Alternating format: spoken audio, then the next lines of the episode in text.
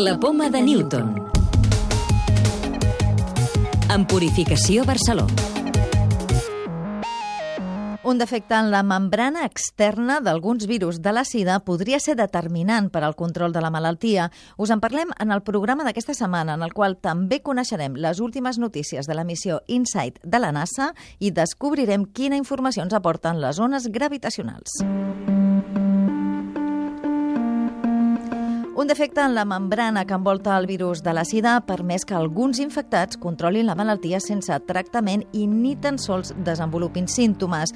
Són els resultats d'una investigació que han fet científics de l'Institut de Recerca de la Sida Irsi Caixa, de la Universitat de la Laguna, a les Canàries, i de l'Institut Carlos III de Madrid.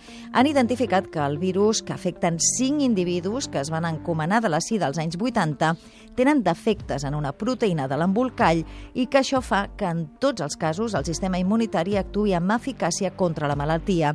Julià Blanco, de l'IRSI Caixa, és un dels responsables de la investigació. El que vam veure és que aquests virus tenien una envolta que funcionava molt malament. I el cas curiós és que això passava en els cinc pacients. Que sí que és realment nou és que aquest defecte s'associï a aquesta proteïna i que sigui heredat pels diferents virus en diferents persones.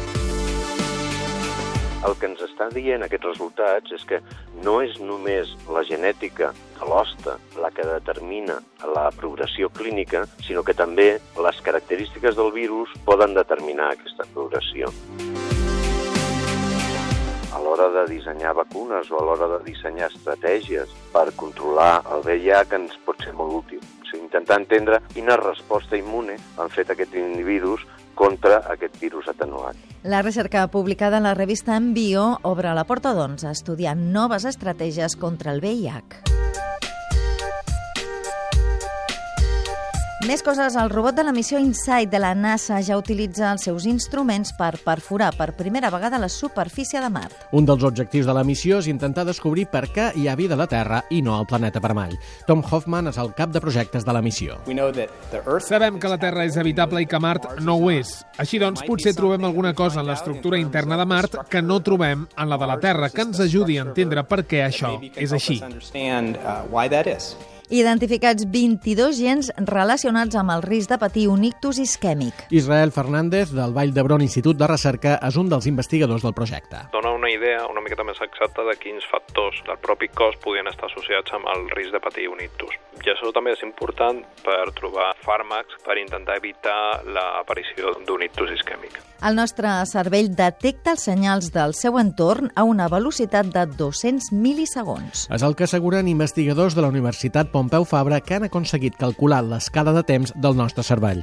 La recerca pot ser útil per entendre com algunes malalties alteren el coneixement de l'entorn i la consciència. La clau de volta.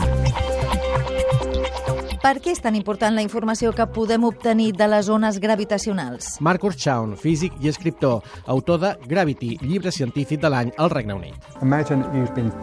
Imagina't que ets sord de naixement i que de sobte et despertes i pots sentir-hi. Aquesta és la situació en què es troben ara els astrònoms i els físics. Fins ara han pogut veure l'univers amb els seus ulls, amb telescopis, però ara per primera vegada el poden sentir. Les ones gravitacionals són la veu de l'univers. Possiblement el descobriment de les ones gravitacionals és l'avenç més important en astronomia des que Galileu va enfocar cap al cel amb el seu telescopi el 1609. Recordeu que ja podeu descarregar-vos el podcast de la Poma de Newton o subscriure-us al programa per rebre'l directament als vostres dispositius.